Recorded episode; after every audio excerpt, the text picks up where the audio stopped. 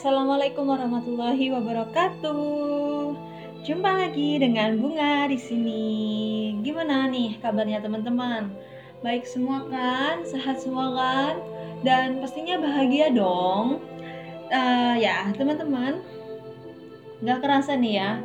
Ternyata kita sudah memasuki bab 5 dan terima kasih kepada teman-teman yang masih mau mendengarkan dan setia kepada podcast ini.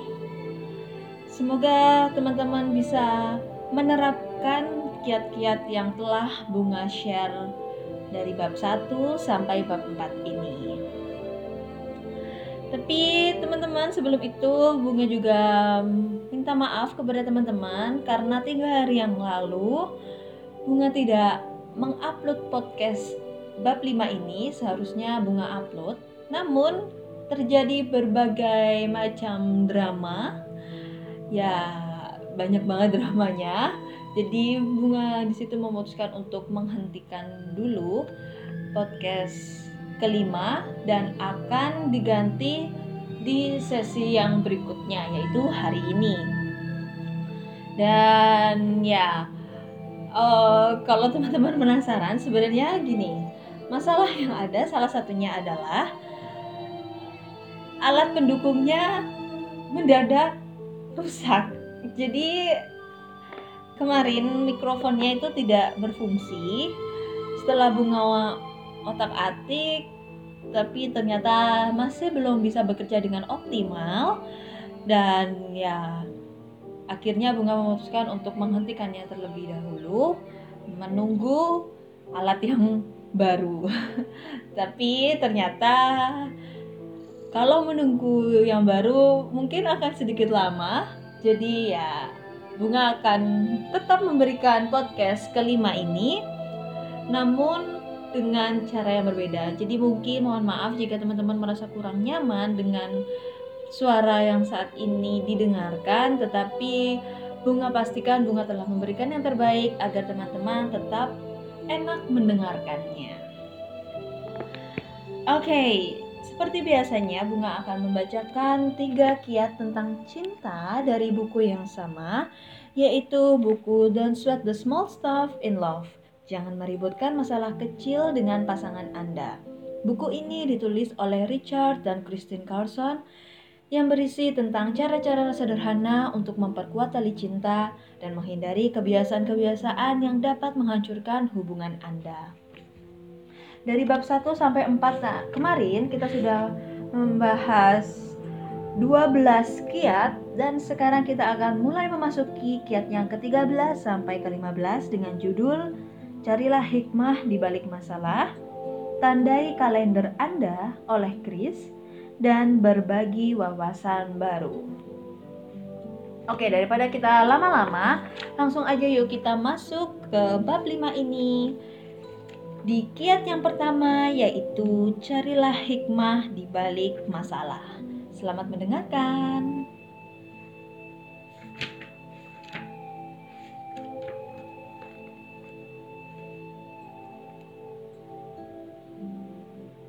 Carilah hikmah di balik masalah. Pikiran manusia sungguh ajaib.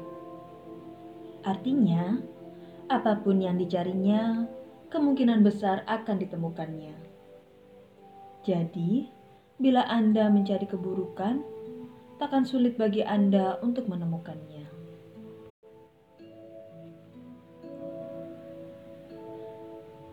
Bila Anda mencari kekejian, Anda pun akan menemukan banyak bukti tentang itu. Dan bila Anda mencari keindahan, Anda juga pasti akan menemukannya.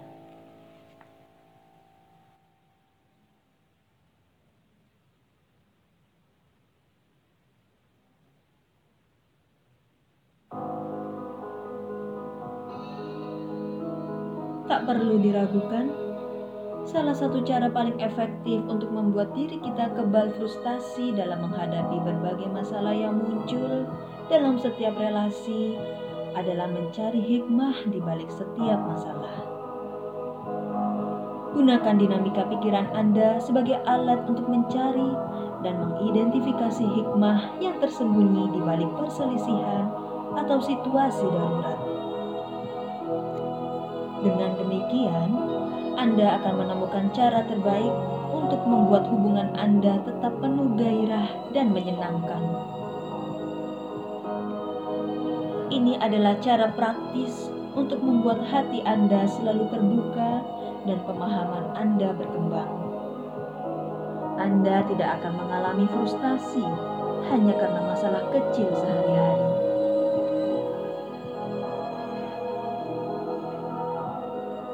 Banyak sekali contoh cara menggunakan kiat ini untuk meningkatkan kualitas hubungan Anda. Bahkan dalam skenario yang dalam keadaan normal bisa menyakitkan atau membuat kita panik.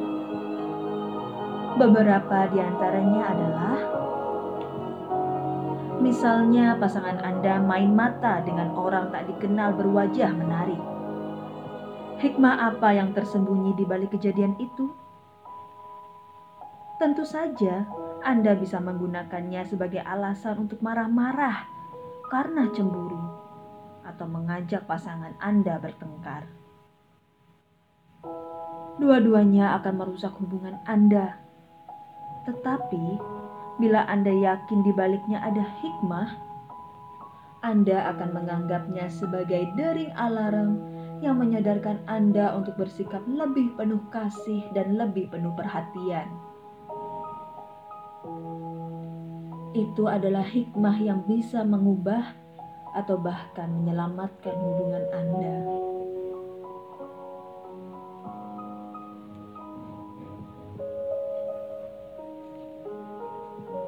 Bayangkan, istri Anda ditawari pekerjaan di kota lain.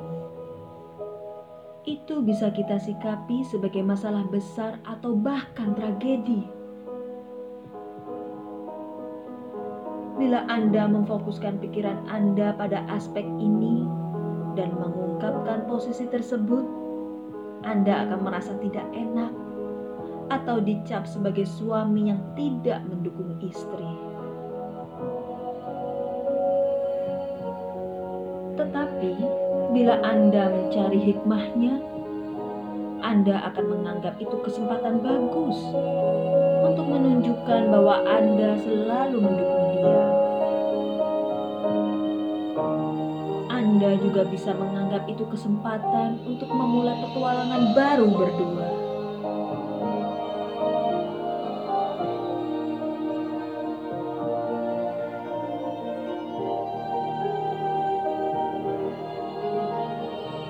Setelah ceramah saya selesai, sepasang suami istri yang sudah 20 tahun menikah mendekati saya.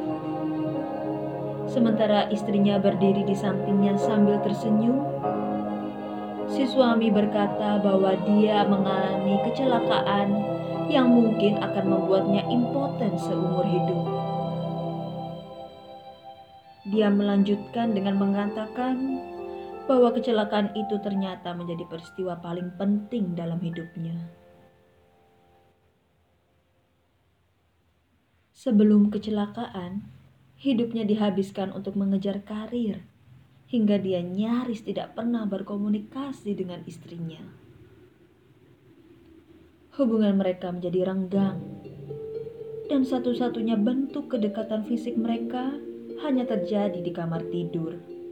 Itu pun jarang sekali, dan tidak cukup untuk memelihara keutuhan perkawinan yang sudah 20 tahun berjalan.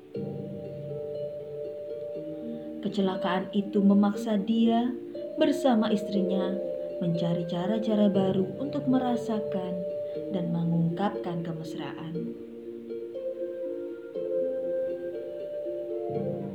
Setelah 20 tahun menikah, akhirnya mereka belajar untuk menjadi teman. Istrinya berkata bahwa suaminya berubah menjadi pria paling baik di dunia. Tentu saja, semua itu membutuhkan pengorbanan dan penyesuaian, tetapi menurutnya kecelakaan itu membawa hikmah.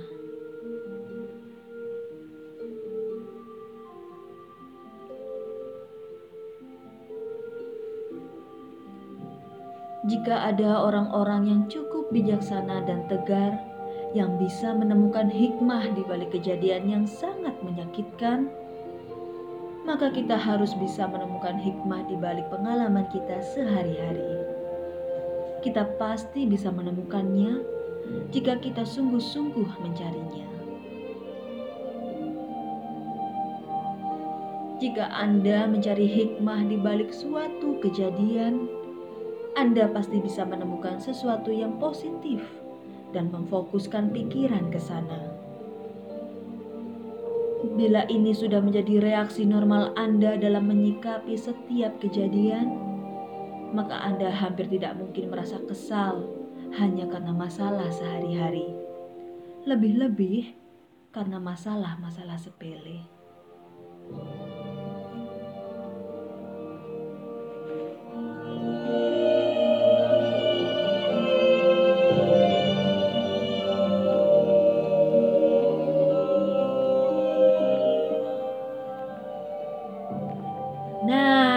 Dia teman-teman. Kiat pertama di bab 5 ini. Cari hikmah di balik setiap masalah. Hmm, gimana menurut teman-teman? Setuju nggak? Jadi apa pun kejadian yang negatif menimpa kita, kita harus pintar-pintar nih cari celah. Apa sisi positif yang terjadi akibat kejadian tersebut? Oke, ini cukup familiar ya, karena ya di dunia ini siapa sih yang tidak mengalami masalah atau tragedi yang mungkin itu membuatnya terluka, yang mungkin itu membuatnya frustasi, atau mungkin membuatnya merasa stres, depresi, atau trauma. Tapi kita coba cari hikmah di balik semua itu. Mungkin dengan kejadian ini, dengan musibah ini, atau dengan tragedi ini, aku tidak akan mendapatkan kejadian yang saat ini aku alami. Aku tidak akan mendapatkan sesuatu yang saat ini aku miliki. Jadi mungkin bagi teman-teman yang saat itu pernah diselingkuhi, lalu teman-teman merasa frustasi dan terluka. Coba cari, mungkin dengan kejadian teman-teman ini diselingkuhi, mohon maaf, teman-teman mendapatkan sebuah hikmah yang lain. Misalnya, teman-teman menjadi lebih dekat dengan sahabat-sahabat, menjadi mempunyai teman yang baru, kenalan baru, pasangan baru yang lebih baik tentunya. Jadi dengan suatu masalah atau kejadian itu, teman-teman melewati suatu jalan ke kehidupan yang lebih baik, yang bisa mendewasakan. Gimana menurut teman-teman? Setuju nggak dengan kiat yang ini? Mencari hikmah memang sulit sih, tapi kita memang harus jeli untuk mencarinya.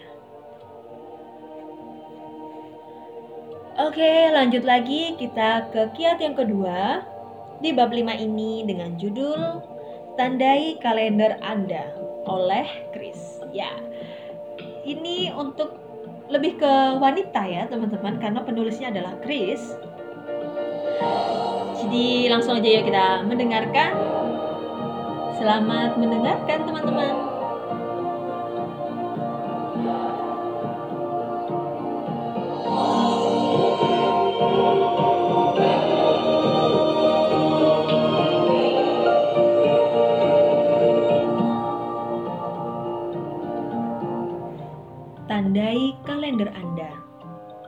Oleh.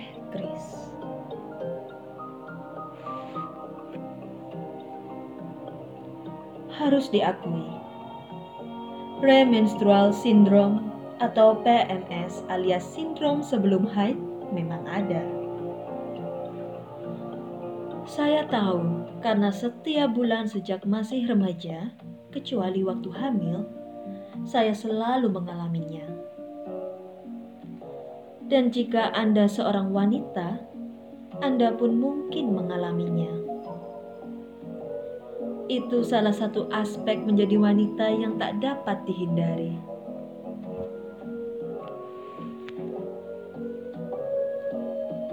Selama bertahun-tahun, saya ingat bahwa setiap kali pikiran mulai kacau atau perasaan tiba-tiba menjadi sedih tanpa sebab, saya melihat kalender.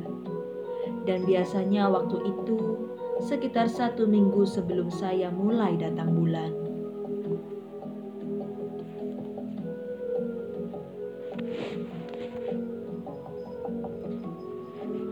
Pada hari-hari itu, kejadian-kejadian biasa tiba-tiba membuat saya kesal atau panik.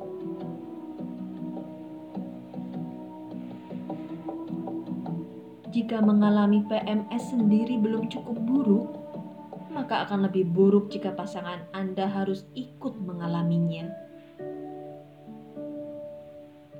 Hampir setiap bulan dalam 10 tahun pertama perkawinan kami, Richard sering bertanya dalam penuh cinta. Chris, ada yang tak beres? Akhirnya, suatu hari, ketika sedang mengalami PMS, saya berteriak, "Lihat kalendermu itu! Semuanya beres!"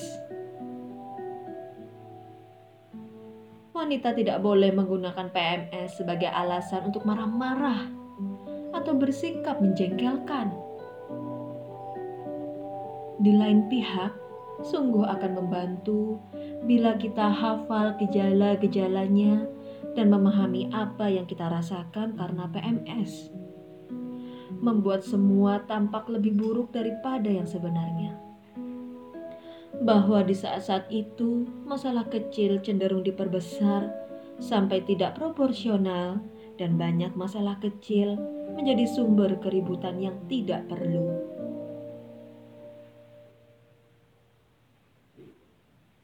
Dengan memahami ini, Anda akan terbantu untuk mengerti apa yang Anda rasakan.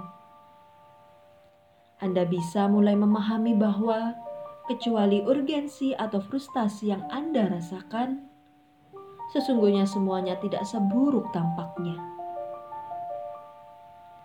PMS bisa dipandang sebagai suasana hati yang paling kacau, dan seperti biasa, ketika hati sedang rusuh yang terbaik yang bisa Anda lakukan adalah meyakinkan diri bahwa yang ini pun akan berlalu.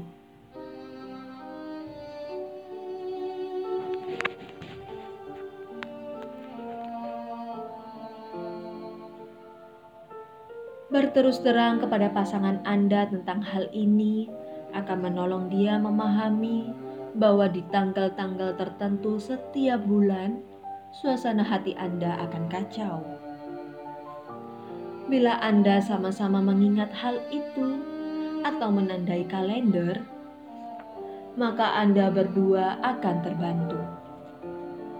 Idealnya, selama hari-hari sulit itu, Anda berdua saling memberi kelonggaran, dan meskipun berat, mencoba bersikap lebih sabar dan penuh kasih.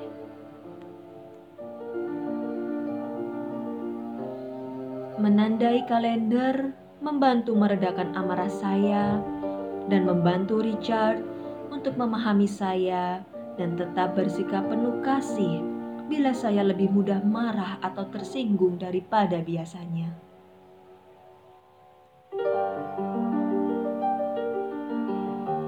Saya menganggap PMS sebagai awan gelap, mungkin awan badai yang sedang lewat saya sudah belajar bahwa mempertahankan akal sehat di masa-masa sulit seperti itu sungguhlah penting.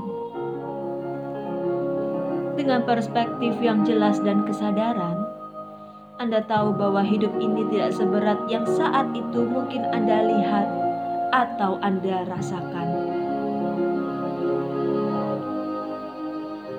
Dengan demikian, Anda selalu diingatkan bahwa kemampuan Anda untuk mengatasi stres akan segera normal kembali.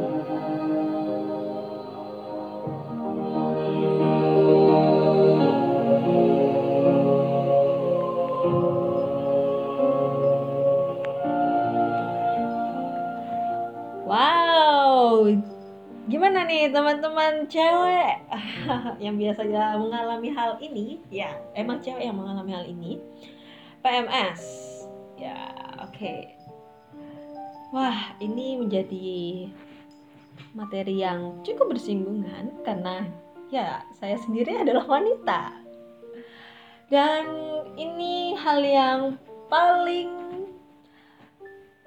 sulit karena ketika wanita gengsi untuk mengatakan, aku ini lagi datang bulan, kamu jangan bikin gara-gara kepada pasangannya.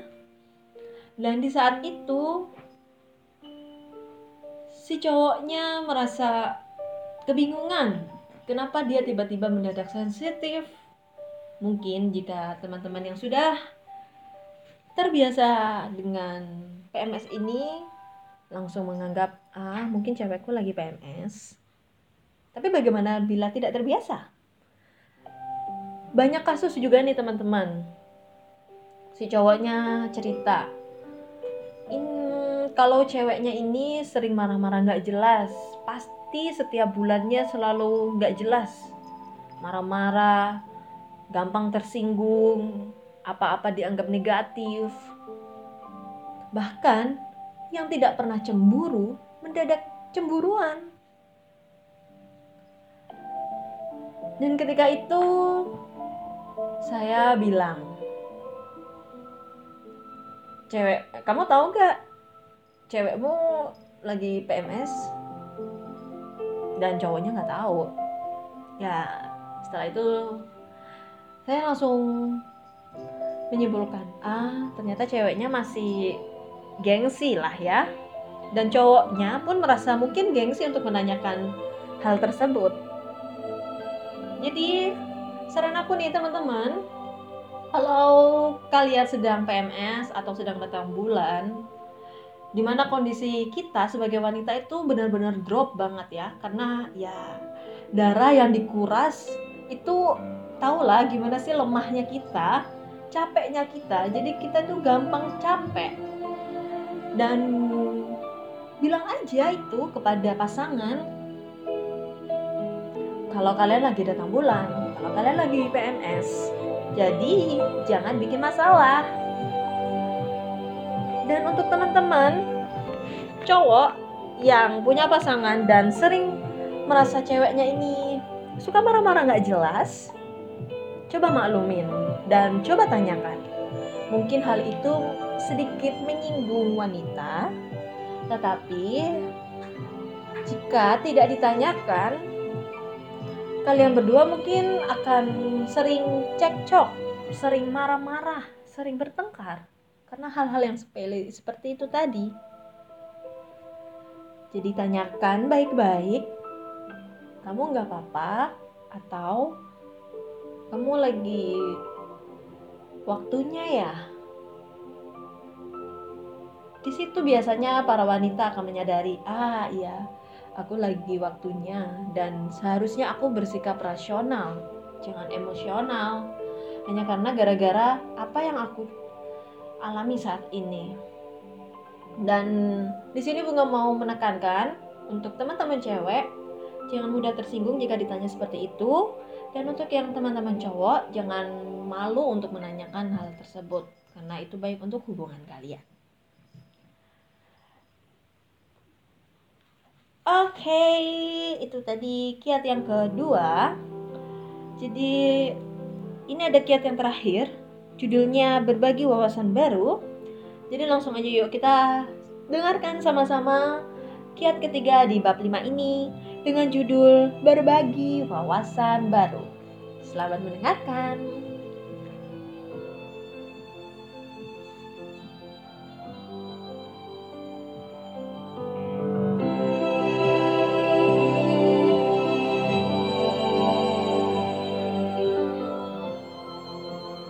Berbagi wawasan baru.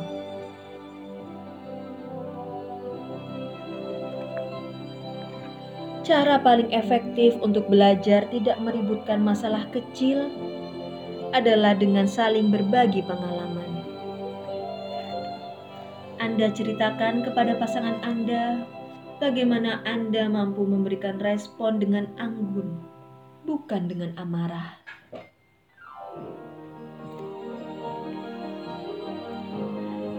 Anda bercerita tentang pengalaman menemukan wawasan baru yang membuat Anda merasa tidak lagi tertekan menjalani hidup.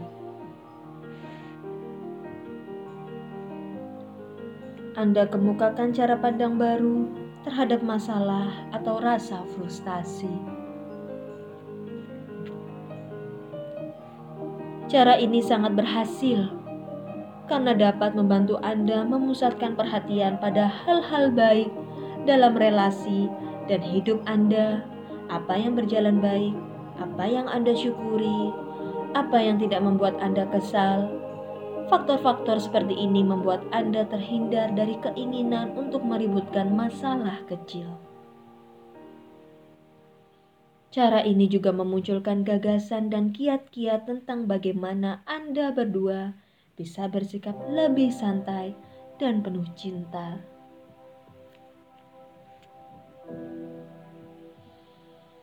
Jennifer menghabiskan sebagian besar hidupnya dengan mencengkram hal-hal yang membuatnya jengkel. Jika seseorang melakukan sesuatu yang tidak disukainya, dia mengomel atau membenci orang itu sampai lama sekali. Wataknya itu membuatnya bersikap kasar dan banyak menuntut.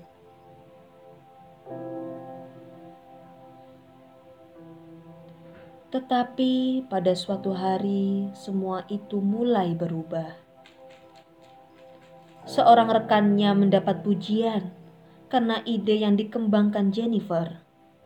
Lebih buruk lagi, rekannya itu tidak hanya mencuri idenya, tetapi juga ditawari proyek khusus sebagai penghargaan atas idenya yang kreatif. Jennifer tak bisa berbuat apa-apa karena tak ada cara yang masuk akal untuk membuktikan ketidakadilan itu. Seperti biasa, dia marah-marah dalam pikirannya, dia mencanangkan perang dengan rekannya itu dan mencari cara untuk membalas dendam.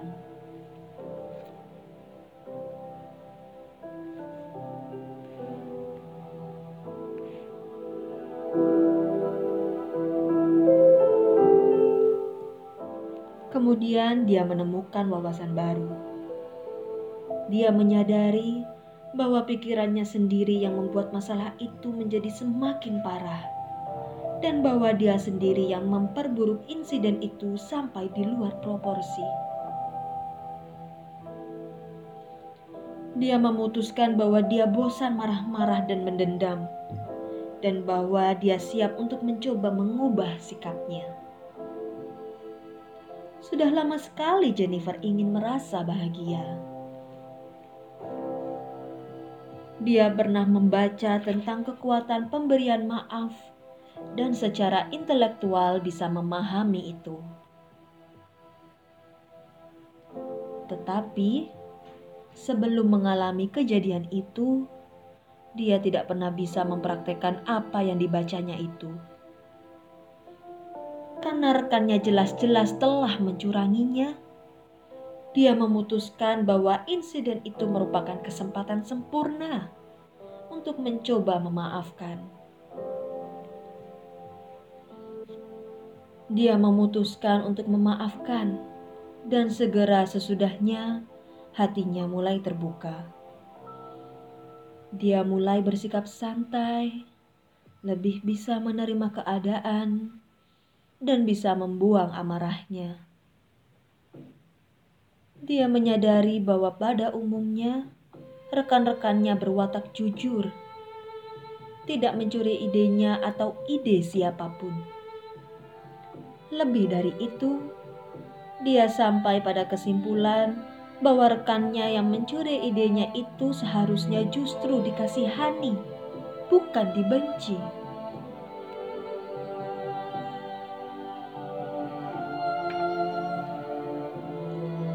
Jennifer menceritakan pengalaman memaafkan itu kepada Steve, pacarnya. Steve sangat terkesan oleh kemampuan Jennifer untuk bersikap lapang dada dalam situasi yang sulit, hingga hal itu membuka pintu ke arah bentuk komunikasi yang benar-benar baru di antara mereka. Steve suka mempelajari spiritualitas dan pada dasarnya dia orang yang menyenangkan. Satu-satunya keraguannya untuk membuat komitmen dengan Jennifer adalah karena dia prihatin melihat kecenderungan Jennifer yang suka mendendam. Dia sering merenung, apakah Jennifer akan mampu membuang kebiasaan buruknya itu? Sungguh menakjubkan bagaimana mereka mencapai tingkat baru dalam relasi dan komunikasi mereka. Cakrawala baru terbentang luas setelah Jennifer mampu memilih memaafkan, bukan mendendam. Perkembangan pribadinya sangat dramatis, dan pada gilirannya, Steve pun mendapat wawasan baru Sukses datang dengan sendirinya, dan hubungan mereka semakin mendalam.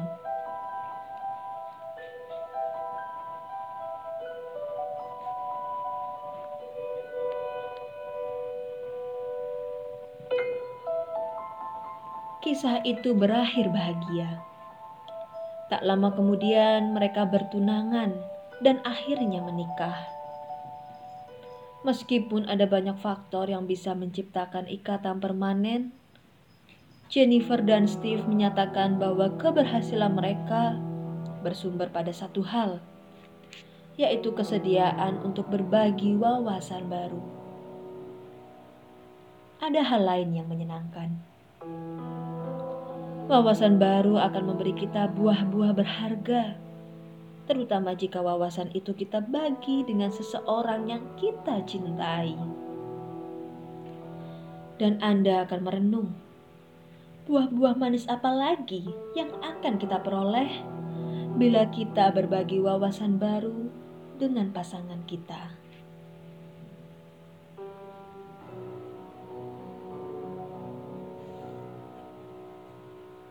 Oke, okay, itu dia teman-teman kiat yang terakhir di bab 5 ini tentang berbagi wawasan baru. Ini menceritakan sesuatu yang berbeda dalam kehidupan kita. Adanya pengurangan atau penambahan di dalam hidup kita. Misal kita sedang mengikuti suatu kursus, lalu kita mendapat ilmu di situ, dan kenapa kita tidak menceritakan hal tersebut kepada pasangan kita? Mungkin dengan pengalaman yang kita alami, pasangan kita mendapatkan sesuatu yang mungkin dia tidak menceritakan itu kepada kita, tetapi langsung dia praktekkan di dalam kehidupannya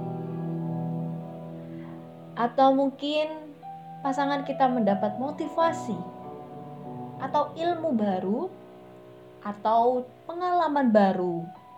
Jadi ingat ya teman-teman, pengalaman itu tidak hanya didasarkan dari apa yang kita kerjakan atau lakukan, tapi kita bisa mendapatkannya dari pengalaman orang lain. Kita dengar bagaimana pengalaman dia, lalu kita mendapat sebuah kesimpulan bahwa dengan pengalamannya dan dengan cara menyikapinya, dia seperti itu. Bagaimana dengan aku? Nah, di situ kita mendapat pengalaman baru.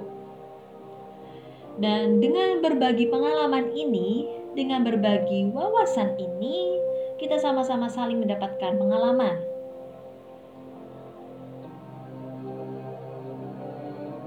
Dan tentu saja komunikasi antara kita dengan pasangan jadi lebih menarik. Karena pembahasan kita tidak melulu tentang itu-itu saja. Tentunya dengan begini kita mendapat sesuatu yang positif di dalam hubungan kita. Kita mendapat ilmu, kita mendapat wawasan, kita tentu saja mendapat pengalaman dan jadi sharing, berdiskusi Bagaimana bila kejadian seperti itu dihadapi oleh pasangan?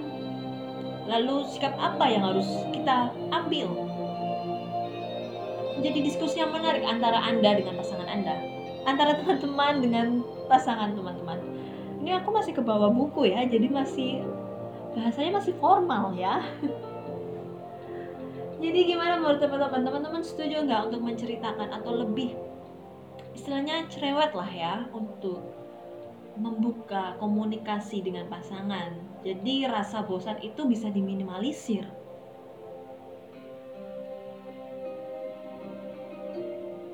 Semoga tiga kiat tadi membuka wawasan baru dan menambah ilmu kita tentang kehidupan dan percintaan. Semoga teman-teman bisa mengambil hikmah dan juga bisa mengambil pelajaran tentang kiat-kiat yang sudah aku share ini. Semoga bermanfaat untuk teman-teman dan kehidupan. Jumpa lagi di bab 6. Sampai jumpa dan salam bahagia. Wassalamualaikum warahmatullahi wabarakatuh.